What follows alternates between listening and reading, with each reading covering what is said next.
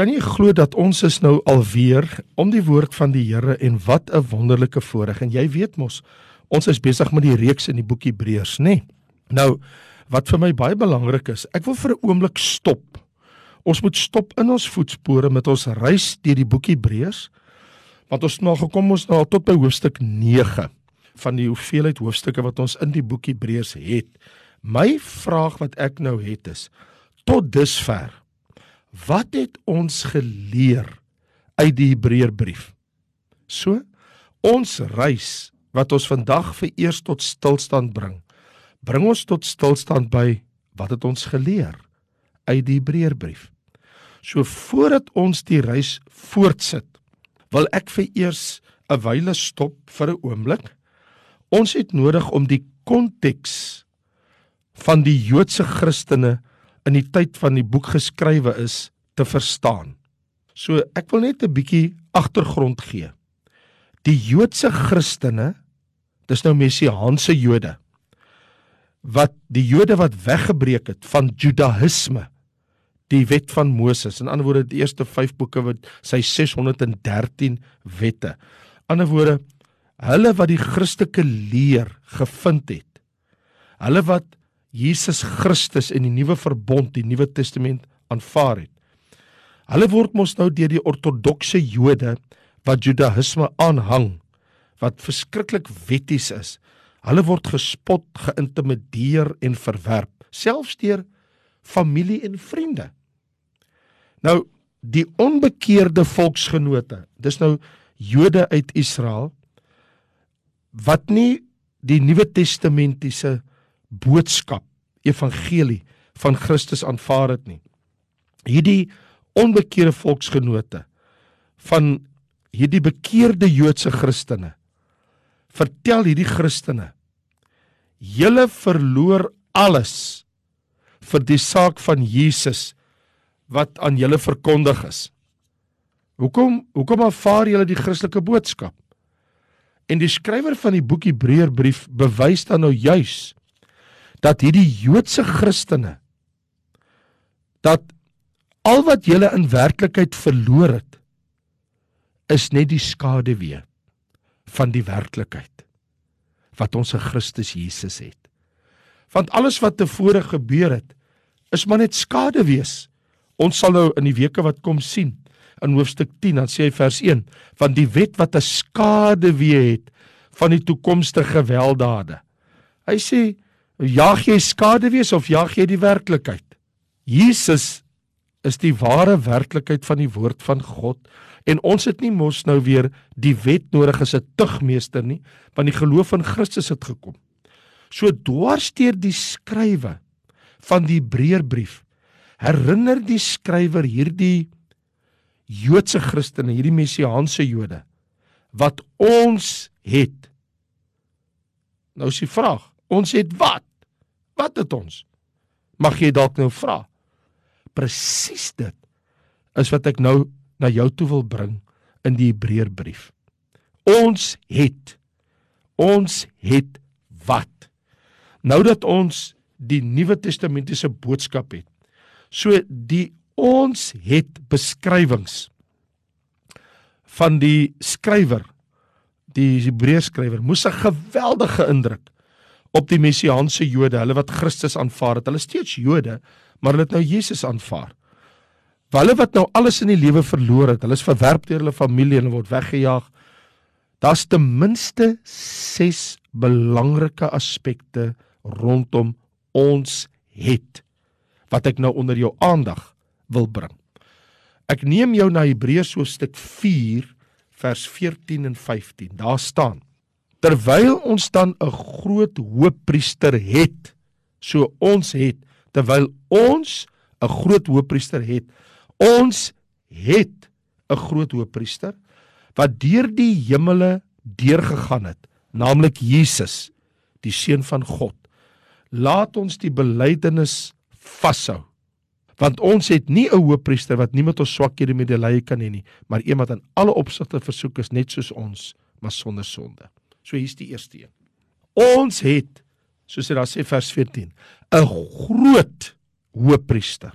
Hou in gedagte dat die goue reël in Israel was die koning kon nooit bedien as priester nie en die priester kon nooit heers as koning nie 'n koning is nie 'n priester nie en 'n priester is nie 'n koning nie nou vind ons hier dat die tempel en die paleis was mos dan nou ver verwyder van mekaar deur 'n onoorbrugbare kloof in Judaïsme. Die paleis behoort aan die koning.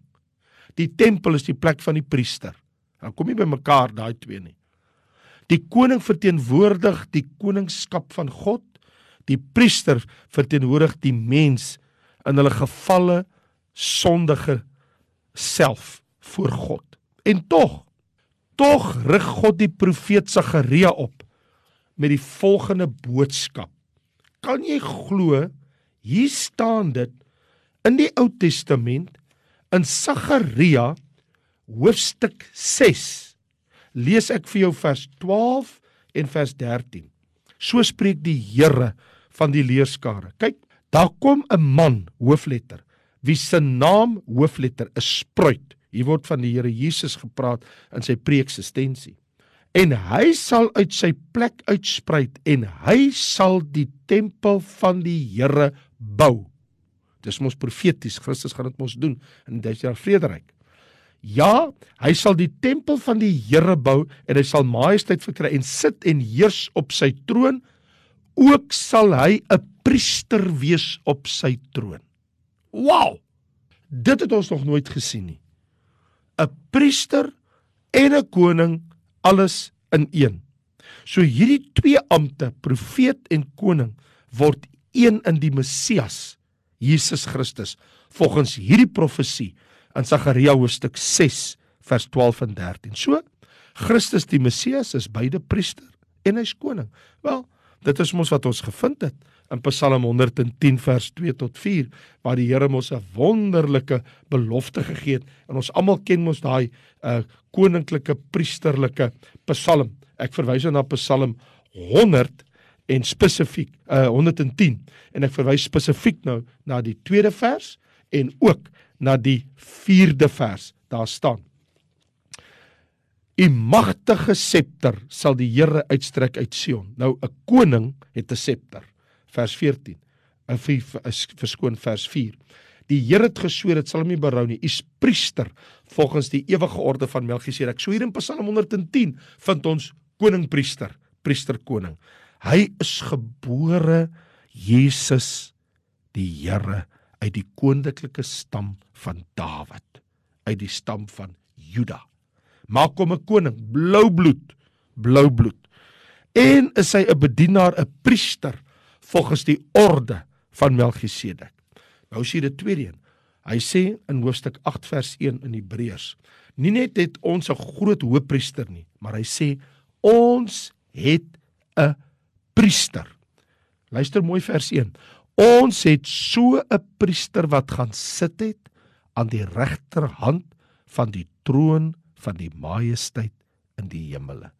Hier is 'n groot godswaarheid. Ons weet mos uit Genesis 14 dat Melchisedek was een van die mees misterieuse figure in die Ou Testament. Hy was mos maar inderdaad die voorloper skaduwee van die een die Messias wat sou kom.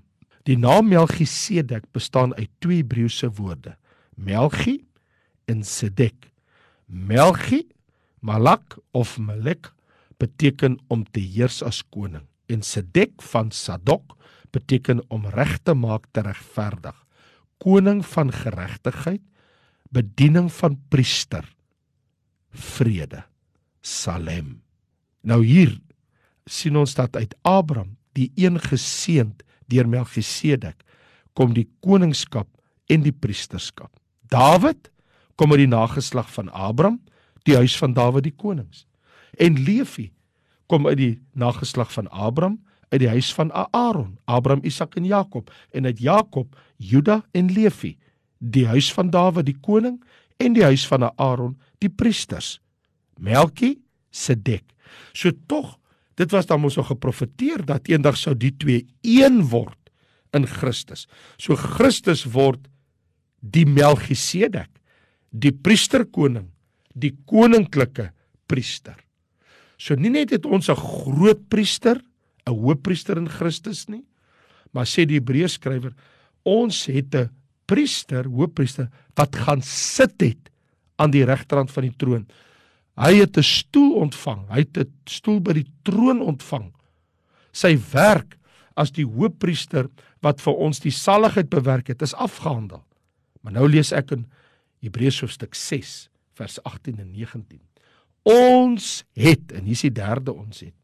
Dit is 'n anker van die siel wat veilig en vas is en ingaan tot binnekant die voorhangsel waar Christus Jesus vir ons voorloper geword het volgens die orde van Melchisedek hy wat 'n hoëpriester geword het vir ewig.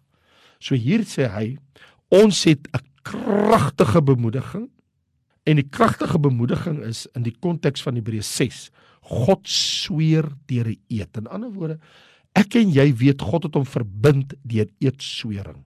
En sê hy, God kan nie lieg nie, vers 17. Hy sê, die onveranderlik van sy raad met 'n eed gewaarborg sodat ons kragtige bemoediging kan hê. So wat is dit? Die getrouheid van God en die sekerheid van sy beloftes. Dis die bemoediging wat ons het. God gaan sy woord hou en God gaan sy beloftes vervul. Vir wat? Die hoop wat voorlê. Vers 18. Wat is dit? Die feit dat ons het 'n anker vir ons siele nodig. Hierdie veranderende wêreld met al sy onsekerhede en storms en veranderlikes kan ons nie op vertrou nie. Kyk wat het COVID die afgelope 18 maande aan ons kom doen in ons land en die wêreld. Ons weet nie eens wat gaan gebeur oor 6 maande vir jaar van nou af in die wêreld nie.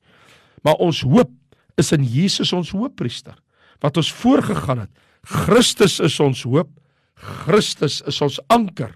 Hy sê ons het dit as 'n anker van die siel.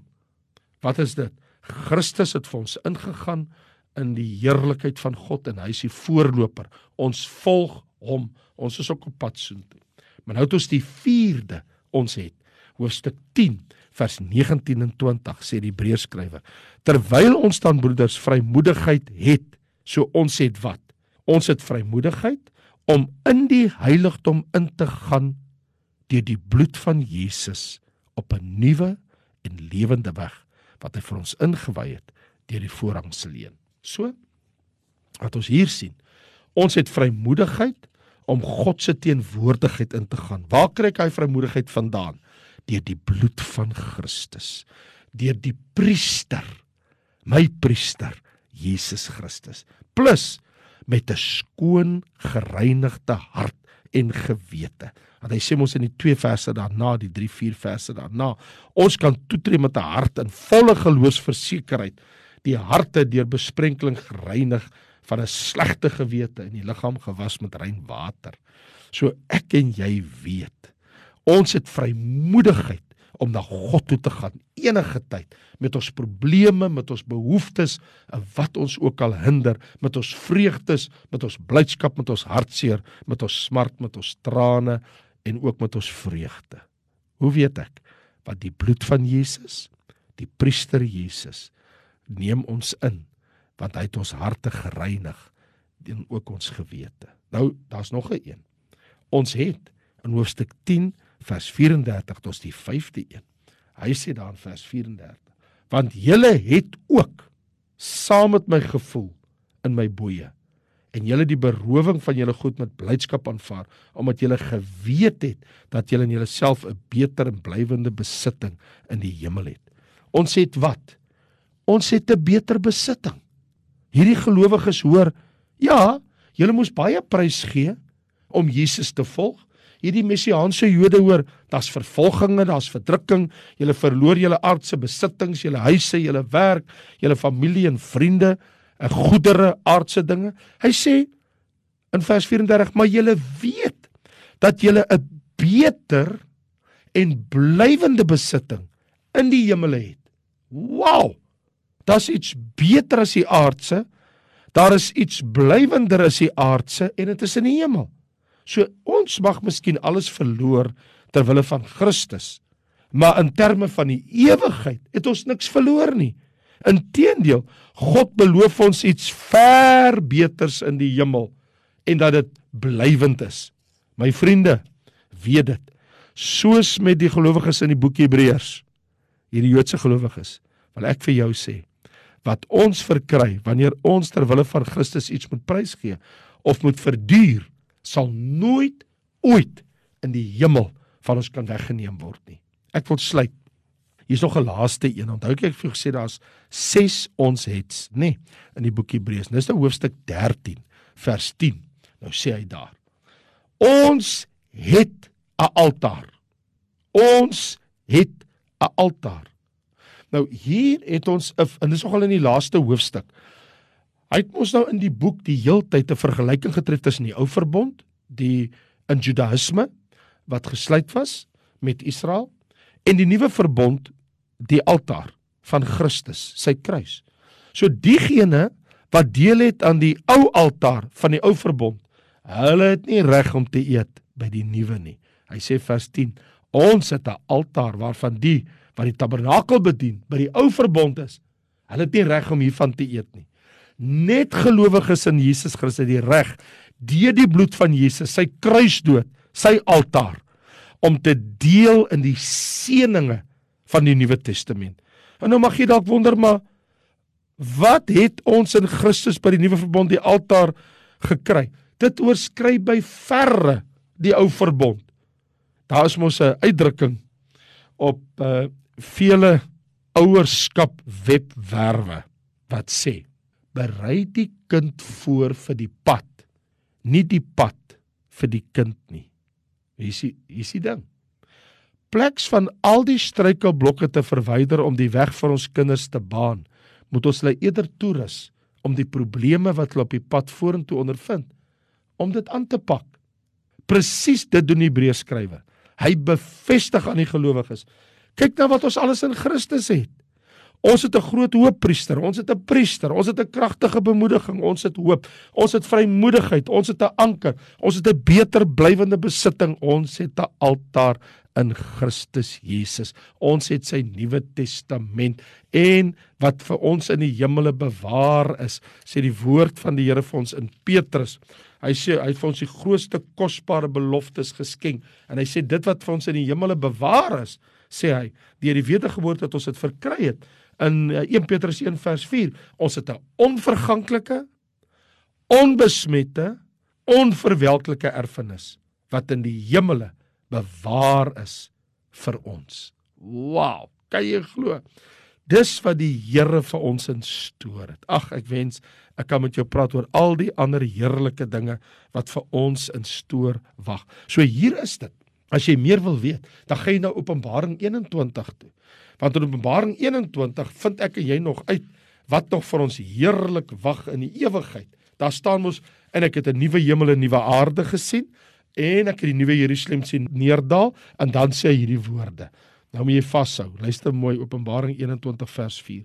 Kyk wat wag vir ons. Kyk wat is ons besittings wat ons gaan kry. God gaan al die trane van hulle oë afvee. Jy gaan nie meer huil nie. Nooit weer in ewigheid nie. Droefheid, geween en moeite sal daar nie meer wees nie. Hoekom? Want die eerste dinge het verbygegaan. Die aardse soos ek en jy dit vandag ken, bestaan nie meer so nie. Hy gaan verder. En hy wat op die troon sit sê ek maak alles nuut. En hy sê dit is verby. Ek gee vir die dorstige die fontein van die water van die lewe en nou in vers 7. Hy wat oorwin, as jy vashou tot die einde, sal alles beerwe. Alles beerwe. En ek sal vir hom 'n God wees en hy sal vir my seun wees. Wow. Vader, hoe kan ons vir u genoeg dankie sê? wat ons het in Christus Jesus. Ai Here. Het Paulus hier sommer al vroeg daar in Efesiërs 1 vers 3 gesê geseënd is die God en Vader van ons Here Jesus Christus wat ons geseën het met alle geestelike seënings in die hemele in Christus. Dankie Here vir ons erfenis dat dit is nie bevlek nie. Dit is onverganklik, dis heerlik, dis ewig wat U vir ons gestoor het. Dankie vir ons hoëpriester wat ons het. Dankie dat ons kan 'n rein skoon gewete voor U hê, vergifnis van sonde smaak. Waarlik waar ons kan ons hande opsteek en sê loof, loof, loof die Here. Dankie vir 'n vaste anker, Here. Ons is vas tot in die wat die Bybel vir ons sê in die in die woord in Hebreërs hoofstuk 6 binne die voorhangsel tot in God se teenwoordigheid. Dankie Here vir ons priester. Dankie vir sy bloed. Dankie vir sy lewe. Dankie dat hy vir ons intree. Dankie dat hy sy lewe vir ons gegee het sodat ons in hom, deur hom, vir hom en tot hom vir u kan lewe, Vader, in Jesus kosbare naam. Amen. Nou ja, kan jy glo, dit is nou sulke tyd om te groet en uh volgende week Sondag aand dan kuier ons weer heerlik om u woord. Baie dankie en totsiens.